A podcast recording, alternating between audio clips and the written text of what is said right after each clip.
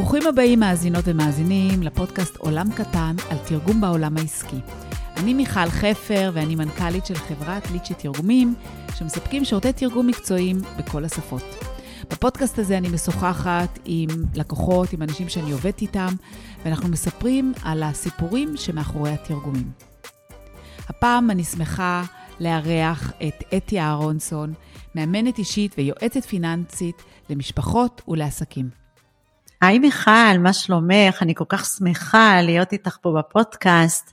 זה, אנחנו מכירות כבר אה, כמה וכמה שנים, בעצם מ-2015, שתינו חברות ותיקות. כמעט עשר שנים. בקבוצת עסקים בתנופה בנס ציונה, ויוצא שאנחנו גם מפנות אחת לשנייה כמה וכמה פעמים.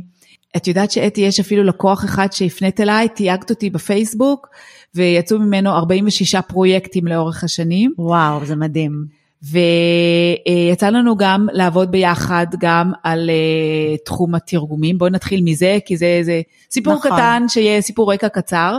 אז בואי תספרי על התרגומים שביצענו עבורכם. אני מתנדבת בעמותה שנקראת רוח נשית, והם היו צריכים שם תרגום לצרפתית. ומכיוון שזאת עמותה והכל בהתנדבות, פניתי אלייך, זה היה נראה לי מאוד טבעי לפנות אלייך. כאדם שאוהב אה, לתרום ושיש לך אה, חברה כל כך איכותית לתרגום ובאמת אה, נהנית בחיוב וזה עשה כל כך הרבה טוב כי זה הגיע לכל כך הרבה נשים שזקוקות לעזרה והתרגום הזה פשוט עזר להם לנשים שדוברות צרפתית וצריכות עזרה וזה היה מדהים והיה כל כך ש... מקצועי. אז ראשית תודה רבה, אני כל הזמן מודה על זה באמת, וגם מהעמותה, שזה היה כל כך מהיר ומקצועי, ו... מאוד מאוד עזר. כי אני, קודם כל תודה, אני מבינה שזו עמותה שמתעסקת באלימות במשפחה, אז בעצם היה חשוב שג, שנשים שהן דוברות צרפתית יקבלו את כל המידע, הזכויות שמגיעות להן, על מה, איך הן יכולות לפנות לעמותה, מה יקבלו, נכון. איך יכול לסייע להן, וככה באמת, כי, כי יש אנשים שפשוט לא יודעים את השפה, ורק באמצעות תרגום אנחנו יכולים להנגיש uh, תוכן. לגמרי, לכאלה. לגמרי נכון. וזה באמת, אה, בזכותכם זה הגיע להרבה מאוד נשים שצריכות את העזרה הזו ולא מכירות את, אה, את השפה, וזה הגיע אליהם ככה בשפה שלהם, וזה עזר מאוד מאוד מאוד. אז על זה ממש ממש תודה. על הכיפאק, יופי, אני שמחה מאוד, חלק מהדברים שאני מאוד אוהבת לתרום ולעזור למי שאפשר. אז הנה עוד קריאה, כמעט כל פרק, מישהו זקוק לעזרה, לתרומה, או כמובן אפשר גם בתשלום, אבל אפשר כן. גם בתרומה, למי שנזקק, אנחנו תמיד פה מוכנים. תשמעי, מה שאת עושה זה באימון אה, לכלכלת המשפחה, בואי תספרי לנו מה זה, מי צריך את זה, ואחר כך אנחנו גם נצלול לעזרה שאת נתת לי ולמשפחה שלי ולבית שלי, אז בואי תציגי קודם כל מה זה ייעוץ אה, פיננסי למשפחות. אז אה, ייעוץ פיננסי למשפחות נועד לאנשים באמת ולמשפחות שנמצאים באיזשהו סוג של עלטה בכל נושא הכסף שלהם, שהם לא ממש יודעים לומר כמה הם מרוויחים, כמה הם מוציאים, אין להם תקציב, הם לא מתנהלים על פי תקציב, הם מרוויחים כסף, אבל כמו שהם מרוויחים אותו, ככה הוא נעלם להם. ולמה הוא נעלם? מכיוון שהם לא עובדים עם תקציב, והם לא עובדים עם תכנון, הם אה, חיים את היום, הכסף מנהל אותם בעיקר, ולא הם מנהלים את הכסף, אין להם שום שימת דגש על אה, אם הלוואה נלקחה ב-11% והם מקבלים, יש להם פיקדון עם 6% אה, והם מפסידים את המרווח הזה ואולי אם הפיקדון שווה לכסות את ההלוואה, הם לא שמים לב לדברים האלה וזה זורם וככה הכסף שלהם אה, נוזל בידיים ורק מהפירורים אנחנו יכולים להאכיל כמה משפחות. כי גם האנשים פשוט אוהבים לקנות. לגמרי. זה חלק מהכיף שלהם, הם פשוט קונים. אני זוכרת שדיברתי עם מישהי, היא אפילו אמרה שהיא מגיעה למריבות עם הבן זוג שלה, כי היא כל הזמן קונה דברים. נכון, יש אז הרבה. איך אפשר בכלל לעצור זה? לפעמים זה אולי התמכרות, איך, איך אפשר לעצור דבר כזה? אז... לא אכפת להם בכלל, הם לא מסתכלים, זה הבעיה של אולי בן זוג שהוא יטפל במינוס. נכון. אז, אז זה קורה, העצירה נעשית באמת כשהם מגיעים למצב שהם רואים שהמינוס גדל וגדל, הם רואים שהם לא מצליחים לחסוך, ואז יש מין, אה, מין הבנה שצריך עזרה מבחוץ, מכיוון שהבני זוג לא מצליחים לדבר ביניהם ולתקשר כסף. ויש גם הרבה הסתרה. אז מצד האישה או מצד הגבר, ואז כאילו יש איזו תובנה. שמגיעה, שמישהו צריך להרים פה את הכפפה, וצריך להושיב פה מישהי יועצת או מאמנת מבחוץ, שתבוא ותעזור להם לפתור את התקשורת הזו, את חוסר התקשורת, ובעצם תשקף את מה שקורה. עכשיו גם נורא נורא חשוב להיות מאמן ויועץ, בדיוק. אני לא מאמינה רק בייעוץ, נכון. כי ייעוץ אתה מגיע, אתה אומר לבן אדם תעשה א', ב', ג', ד', אוקיי, והלכת, והוא חוזר לסורו. מאמן מלווה את הלקוח בלאמן אותו להבין למה הוא מגיע למקומות שהוא מגיע ומאיפה זה מגיע. זאת אומרת שאם יש אדם שהוא לא מפסיק לבזבז, צריך להבין למה הוא מבזבז, הרי זה לא באמת שחסר לו דברים, הוא מבזבז כי הוא מתוסכל, כי חסר לו משהו, כי הוא, זה מספק לו משהו. צריך להבין את זה, ברגע שאתה מבין את זה, אתה פורץ דרך בקטע של הלבזבז. כי זה קצת אפילו טיפול פסיכולוגי, נכון? לגמרי, זה, לגמרי. אימון זה מאוד משמעותי, כי באמת לשנות הרגלים, ובכלל להבין מה זה משרת אותי, למה אני קונה כל כך הרבה, למה, כאילו, באמת, למה אה, אני מוציאה עכשיו עוד ועוד כסף על דברים שאני לא צריכה, כי באמת זה משרת כנראה איזשהו צורך אחר שלא קשור לזה, ופשוט לא הנזק שלו, שלא קל להרוויח כסף, ו... נכון. ו... ואם את מבזבזת אותו כל הזמן, אז uh, יש לך ממש נזק. הכסף הוא תוצאתי. הוא תוצאתי מהתנהלות, מהתנהגות, מתסכול. Uh, הייתה לי אישה שכל היום בזבזה כסף על הילדים שלה, היא קנתה אהבה. היא פשוט קנתה אהבה. דרך מתנות לילדים שהילדים אמרו, די, אנחנו לא רוצים, אנחנו לא צריכים. לא צריכים, היא פשוט הורסת את הבית שלה ושל אבא שלי. וממש הילדים גייסו אותי לעזור לאימא שלהם.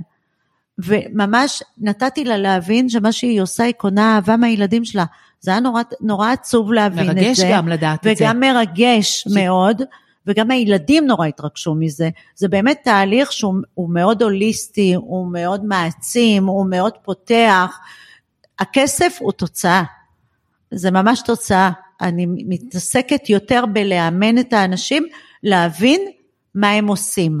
אם בן אדם מוציא אלף שקל על מסעדות, אני אומרת לו, זה בסדר, אם אתה מסכים עם זה, אם אתה בסדר עם זה. קודם הר... כל אתה תדע כמה אתה מוציא. כל, קודם כל תדע, כן. תבין מה אתה מוציא, אחרי כן. זה תחליט אם אתה רוצה את זה, אתה יכול, בוא נראה. אני פניתי אלייך, שוב, עשינו פעם תהליך אה, קצת יותר קצר ב-2016, נכון. שאני יכולה להגיד לך, הטיפ הכי חזק שיצא לנו מזה, גם לדעתי הורדנו כל מיני ביטוחים ודברים כאלה, אבל גם אה, אה, הגעתי למסקנה שזה החזיק המון המון שנים, כמה כסף אנחנו מושכים כל חודש מהכספומט. נכון. ואני זוכרת, היה לנו איזה 3,000 שקל בחודש, זה הכספומט, זה הבזבוזים, זה הקניות פה, הקניות שם, הכסף הקטן לילדים.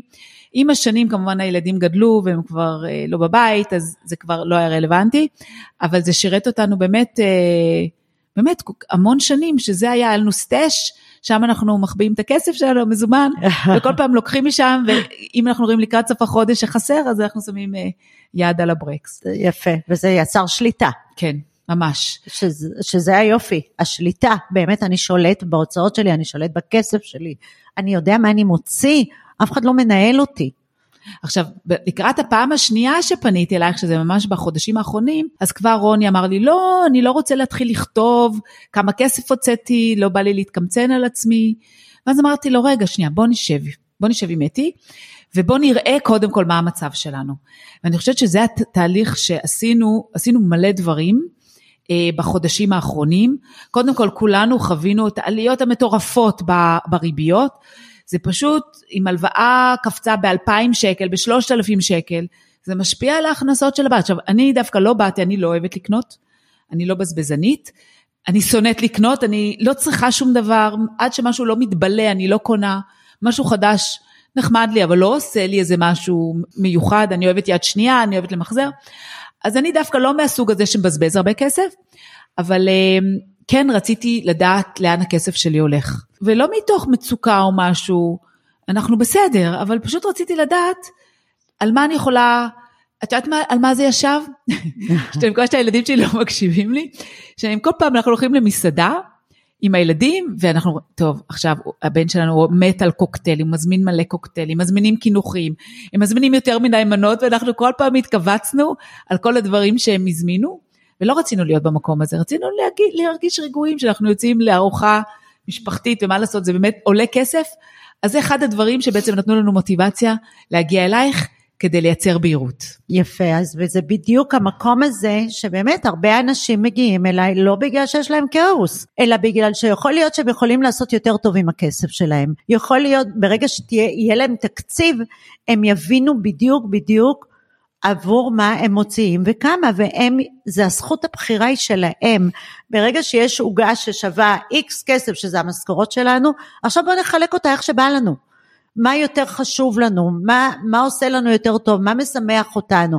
אם זה לצאת למסעדה עם הילדים שלנו, עושה לנו כיף ושמח, אז בואו נשים לזה תקציב ונוותר על דברים אחרים, כי זה יותר משמח אותנו מדברים אחרים. וגם לעשות את זה מתוך כיף. מתוך כיף, בדיוק. ולא מתוך התחשבנות. בדיוק. כמה זה יהיה וכמה יצא בסוף. אז אם אני יודעת שיש סתם תקציב של 700 שקל, אז בסדר, אז 700 שקל אפשר לחיות עם זה. כן, כאילו לגמרי. לארוחה, בסדר, לא צריך ללכת לאיזה שף מי יודע מה, אבל סך הכל אירוע משפחתי. אז uh, גם לא צריך ללכת לאכול חומוס, למרות שזה גם נחמד, אבל יש לנו את המקום לשחק עם זה ולהיות. נינוחים בתוך. הבחירה וליהנות. מהמש- מה, מהארוחה בלי לחשוב על כמה זה עולה. באמת, אני שמתי לב שיש לנו אה, באמת מלא הוצאות. אה, הלוואות זה, זה משכנתה וגם קנינו בית, זה גם לא הספיק, היינו צריכים לקחת הלוואות. ובשנה האחרונה זה היה מזעזע מה שקרה לריבית, מאחד זה, או אחד וחצי, זה עלה לשש. לא משנה האחוזים, אבל כולנו, כל מי שיש לו משכנתה והלוואות מרגיש את החנק הזה ואת ה... כמה זה עולה, כמה כסף צריך להוציא במדינה שלנו, זה, זה מעצבן, זה לא יתואר. נכון. אז מה עושים? ואז זה בדיוק המקום שאני נכנסתי ואמרתי לך, מיכל, בואי נראה כמה הלוואות את משלמת, בואי נראה כמה פקדונות יש לך, ובואי נראה מה אנחנו יכולים לחסל על מנת שתחסכי הרבה מאוד כסף. זאת אומרת, היו לך הלוואות בריביות של 8% ו-10%, כשבפקדונות קיבלת 5%. אז הכי הגיוני היה לבוא ולסגור, ואז זה גם מוריד בהוצאות החודשיות שלך, זה, ואת משלמת פחות ריבית, גם פחות החזר הלוואה. ופחות החזר הלוואה, וזה מפנה אותך, וזה עושה סדר, וזה עשה סדר, אני מניחה. אני רוצה אבל להגיד שזה היה צעד מפחיד. כי כשאנחנו חושבים על הקופות גמל, קרנות השתלמות, כל מיני מילים כאלה קצת משעממות, אנחנו יודעים שזה בעצם החיסכון שלנו, זה הביטחון שלנו, ונורא מפחדים לגעת. נכון. ולא ידעתי אם עדיף לי, טוב, העיקר שיהיה לי קצת כסף בצד, או לפתוח את כל זה ולהחזיר את כל ההלוואות. ואני חושבת שפשוט אה, גם אה, התייעצתי וגם עם אה, סוכני ביטוח וכל מיני אנשים, לא הייתה לי תגובה נחרצת, אבל כשישבתי איתך היית, היית ממש בדעה, השרית עליי המון ביטחון, שזהו, הכסף עשה את שלו, וזה זה הזמן, זה הזמן להשתמש בו כדי לסגור, סך הכל קניתי בית, בזמנו לקחתי הלוואות על החשבון הפקדונות האלה, אז הנה, זה הזמן לפתוח את זה. לגמרי, לגמרי. כשהפקדונות היו בריביות נמוכות, אז כן, ברור, להשאיר, ובטח שזה יעבוד, אבל ברגע שאנחנו רואים דבר כזה, וזה מה שעושה תהליך, זה מה שעושה כשאנחנו מביטים על חשבון הבית שלנו, על הבנק שלנו, על כל הנכסים שלנו, על כל ההוצאות שלנו, ומקבלים תמונה ובהירות, מה נכון לעשות. פתאום יש תמונה, תמונה מאוד בהירה, מאוד ברורה, יש לי כך וכך נכסים, יש לי כך וכך הוצאות, יש לי כך וכך הלוואות. בואו נראה מה עושים עכשיו, אבל זה באמת אחרי שיושבים ומנתחים את כל המצב של אותה משפחה, או שבמקרה שלך זה היה שלך, שישבנו וממש ניתחנו את זה כדי להבין מה נכון לעשות. וגם עם רוני שלא היה בא לו לשבת, ופתאום ראית איך הוא הגיע לבד, הוא התיישב מולנו, גם אצלו ירדו הסימונים מאוד לאט, אבל הם ירדו. הם ירדו, הוא הבין. נכון, אני לא צריך לחסוך, יש לי מספיק כסף והכל טוב, יחד עם זה, למה לשלם סתם? נכון. כאילו... אני חושבת שגם מה שהיה אה, חשוב בתהליך, זה, זה גם הביצוע של התהליך, אוקיי? כי זה עוד שלב. את צריכה לראות, את צריכה להבין, אבל את גם צריכה לעשות צעדים. ולקח לנו איזו פגישה שישבנו, או אולי אפילו שתי פגישות, כל פעם להיכנס לאתר, לראות נכון. כמה הלוואות, למלא את הטפסים, להתקשר אל כל האלה ו, ולבקש מהם, טוב, אנחנו רוצים למשוך, זה נורא מסובך. זה מסובך וזה... וזה... צריך להבין, וזה אקסלים, וזה מספרים, וזה חשבון פה וחשבון שם, ואתר אינטרנט, זה באמת מסובך. עכשיו, יש אנשים אולי יותר חכמים ממני שיכולים לעשות את זה לבד, אבל אני ממש, היה לי טוב שהיה מישהו כמוך, שפשוט היית לצידי ועשינו את התהליך, ביצענו אותו. סוף הפגישה, זהו. זהו, עשינו. נגמר, נכון. יש באמת אנשים שאני משאירה להם את המשימות ואני אומרת להם בוא נעשה את זה עד תאריך זה וזה, זה סגור. ויש אנשים שאומרים לא, תחזיקי לי את היד. כן. אני רוצה שתהיי פה, תשבי לידי ואנחנו מסיימים את זה כי אם את תלכי מפה זה לא יקרה. בדיוק, אני כזה. אה, זה אז אני. ברגע שתלכי אני לא עושה כלום. אני בדיוק. שוכחת. אז אחרי שעשינו סדר, ובאמת, אה, קודם כל זה הוריד לי באמת את ההחזרים החודשיים, זה הוריד את הכמות הכסף שאני מוציאה כל חודש. דרך אגב, אני זוכרת שכבעלת עסק, תמיד דיברתי על איך להגדיל הכנסות. להשקיע שם את המאמצים. וזה נכון, אני עדיין מאמינה בזה שאנחנו צריכים להביא עוד לקוחות, להשקיע שם את כל האנרגיה. אבל uh, אני מאוד שמחה שגם, לפעמים צריך גם לתת את האנרגיה הזו להקטין הוצאות. כי זה פשוט סתם כסף שמתבזבז וזה מיותר. אז אחרי שעשינו את הסדר עם ההלוואות, חיסלתי מלא הלוואות, גם בפגישה הבאה, הדבר הראשון שעשינו זה לוודא שהכל נסגר, אה, עשינו טבלאות אקסל ועברנו על כל ההוצאות שיש בבית, משכנתה, ביטוחים, קניות, בילויים, לראות כמה כסף אני מוציאה על אוכל, כמה כסף אני מוציאה על בגדים, כמה כסף אנחנו מוציאים על בילויים וזה, איפה הפוקוס שלנו. נכון. זה באמת אה, נתן אה, ממש, אה, היה לי חשוב להיכנס, כשאני מלווה משפחה, אני מאוד מאוד חשוב לי להיכנס למיקרו, לא להיות רק במאקרו, למה? כי מאוד מאוד חשוב לי לתת בהירות למשפחה, הנה ככה אתם נראים עד היום, הוצאתם איקס כסף על ביגוד, או הוצאתם וואי כסף על אוכל, בואו נראה מהיום והלאה מה אנחנו עושים, מה הבחירה שלכם, יש לכם עוגה, היא שווה איקס כסף, עכשיו בואו נראה מה אנחנו עושים איתה, איך מחלקים אותה, ככה שאתם תחיו עם זה בנינוחות, אבל אתם תחיו עם תקציב. איך אישה אחת אמרה לי, מאז שאני חיה עם תקציב אני עשירה. כן. אני עשירה, אני פשוט עשירה, יש לי כסף, אני בוחרת מה לעשות איתו. הוא מתוקצב למשהו, ואם אני מחליטה שהוא לא יהיה שם, כי, כי החודש אני לא צריכה את זה, אני מעבירה אותו למקום אחר, אבל אני מעבירה אותו מבחירה. אני מעבירה אותו לא מכסף שאין לי, אלא מכסף שיש לי, שארגנתי אותו עבור זה. אני יכולה להגיד שיש איזשהו דימוי שאני מאוד אוהבת ומאוד מדבר אליי, זה בעיקר כשאת, כשאין בהירות, אז אני לא יודעת כמה להוציא. אז למשל, תדמייני לעצמך שאת עולה על ראש אה, בניין גבוה, ואת מגיעה לגג של הבניין, ואין שם מעקה. איפה, איפה את היא? ממש בקצה. את במרכז. כן. ואם למשל אתם עשרה אנשים בתוך החצר הזו, הגג הזו, בלי המעקה, גם כל העשרה או עשרים איש, כולם יצטופפו במרכז כי הם יפחדו להגיע לשוליים. אבל תארי לך שיש שם מעקה מסביב. נכון. אז את מרגישה בטוחה, ואת תלכי, את תפרסי את עצמך, את יכולה להכניס 30 אנשים, 40 אנשים על אותו שטח, וגם את עצמך שהיית מכווצת בתוך המרכז, את תוכלי להסתובב בתוך החלל הזה. ככה אני מרגישה שאם אני יודעת כמה כסף יש לי, אז הרבה יותר קל לי לנשום, להירגע ולהתנהל איתו, ואפילו אולי להוציא יותר כסף. אני יודעת שזה בסדר וזה מותר לי, כמו עם הארוחה המשפחתית, שאני לא צריכה לחשוש על כל מנה. יאללה, יש לי 700 שקל, אני אתפרע ואני יכולה להשתמש בכולו. לגמרי, לגמרי. אני כלומר, תמיד... התחושה שלי להוציא 700 שקל בנינוחות, היא הרבה יותר טובה מאשר להוציא למשל 500 שקל באי נוחות. נכון, נכון. ובאמת, באמת, זה, זה, זאת הסיבה שאני עושה את התהליכים האלה במיקרו. כי באמת חשוב לי קודם כל לשקף למשפחה מה יש. עכשיו, אני תמיד אומרת, תתארו לכם שהיינו נוסעים בלי רמזורים. איך היינו נוסעים? לא היה מי שיזהיר אותנו, לא היה, לא היה לנו מסגרת, היו תאונות דרכים, זה אותו דבר. אם אנחנו מתנהלים עם כסף, בלי גבולות, בלי מסגרת, בלי תקציב, אז לאן אנחנו הולכים? אז יש אנשים שאומרים, אני עושה כסף, מה אכפת לי? אני אומרת, זה בסדר שאתה עושה כסף, אז קודם כל לא לעולם חוסן, בוא, בוא נהיה חכמים. ב', אין לנו מושג מה יכול לקרות, ולכן מאוד מאוד חשוב, גם כשאתה עושה כסף, לדעת לחסוך אותו. לא חייבים לבזבז את כל הכסף שאנחנו עושים.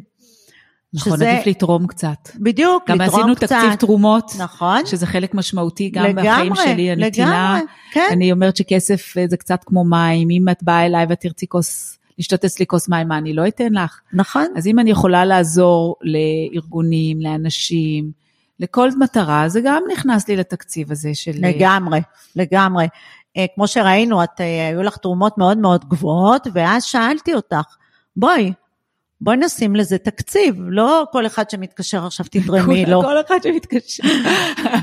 ופתאום ראינו שזה סכומי עתק. כאן היה המקום שוב לשים לזה תקציב ולהבין, יש לי מסגרת של כסף שאותה צבעתי לתרומות, ועכשיו אני יכולה לבחור למי אני תורמת, איך אני תורמת, כמה אני תורמת בתוך מסגרת תקציב.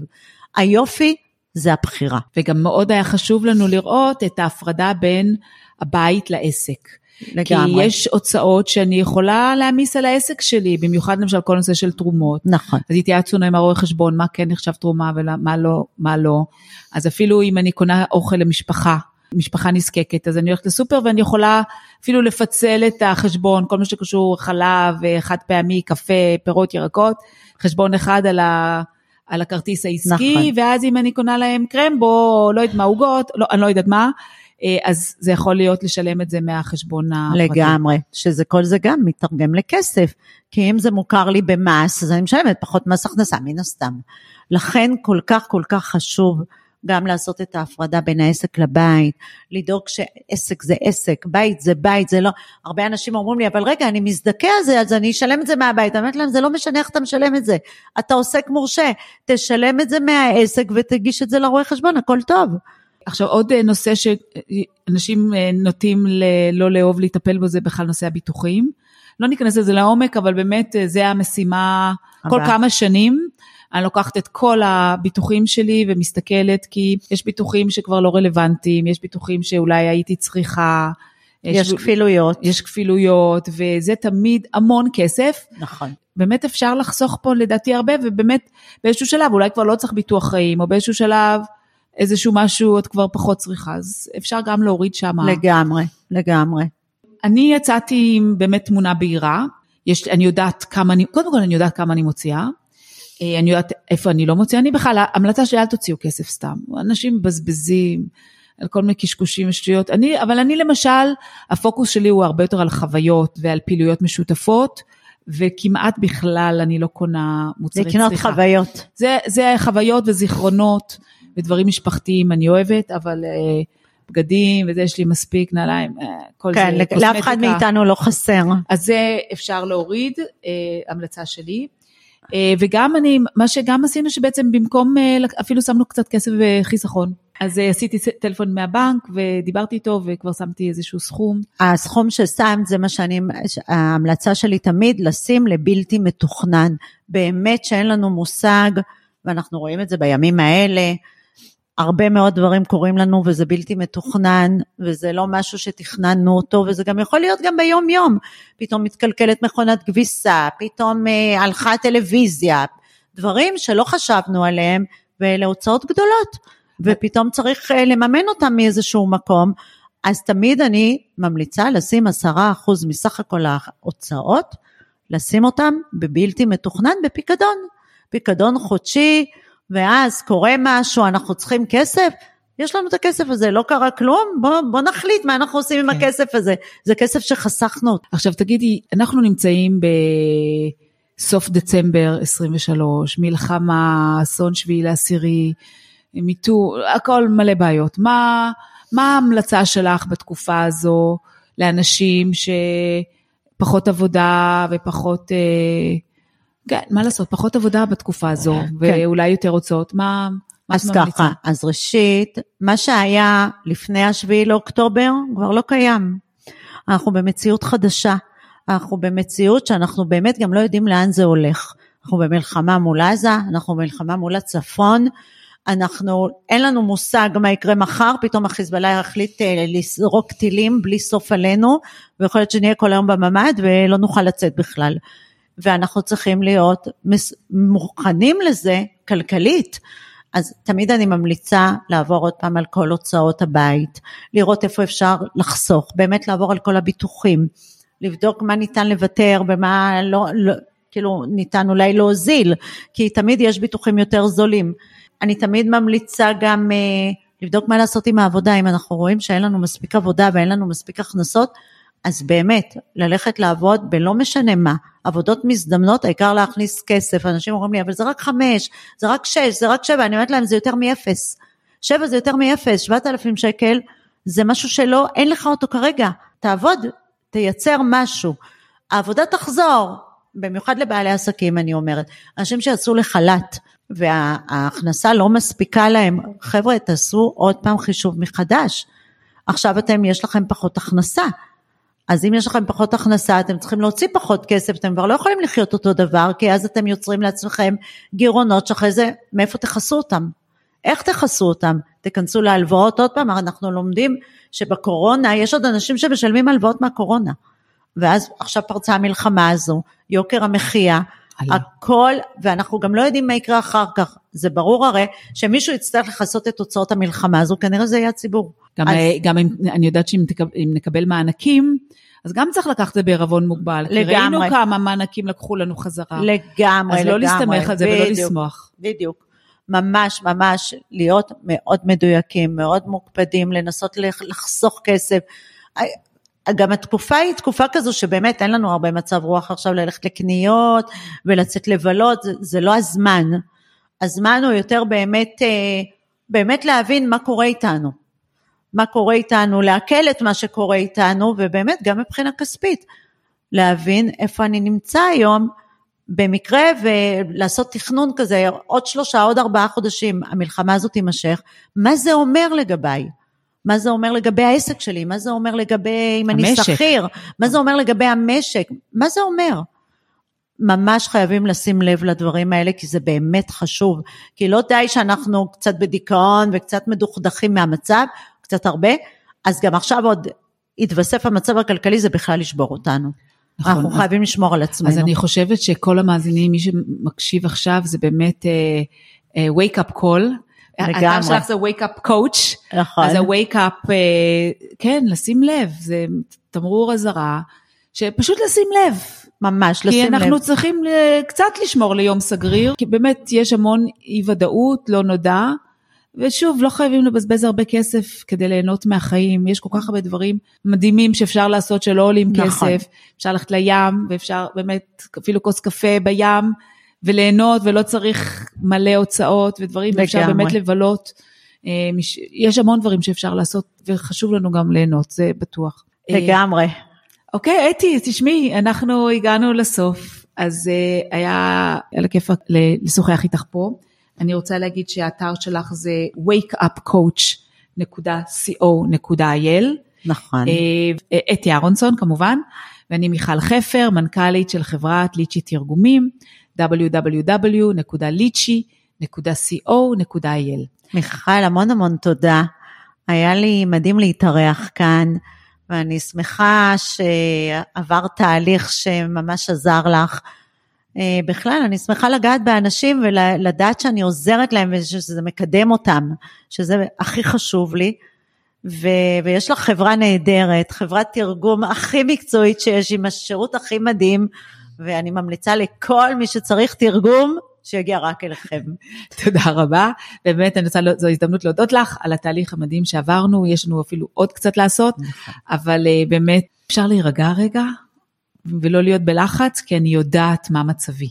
נהדר. וזה, עצם זה, הבהירות הזו, זה שווה המון אה, רוגע, ושווה לדעת את זה. אז תודה רבה, אה, תודה רבה לשלום סיונוב מהפודקסייה, שאירח את הפרק הזה. להתראות. ביי.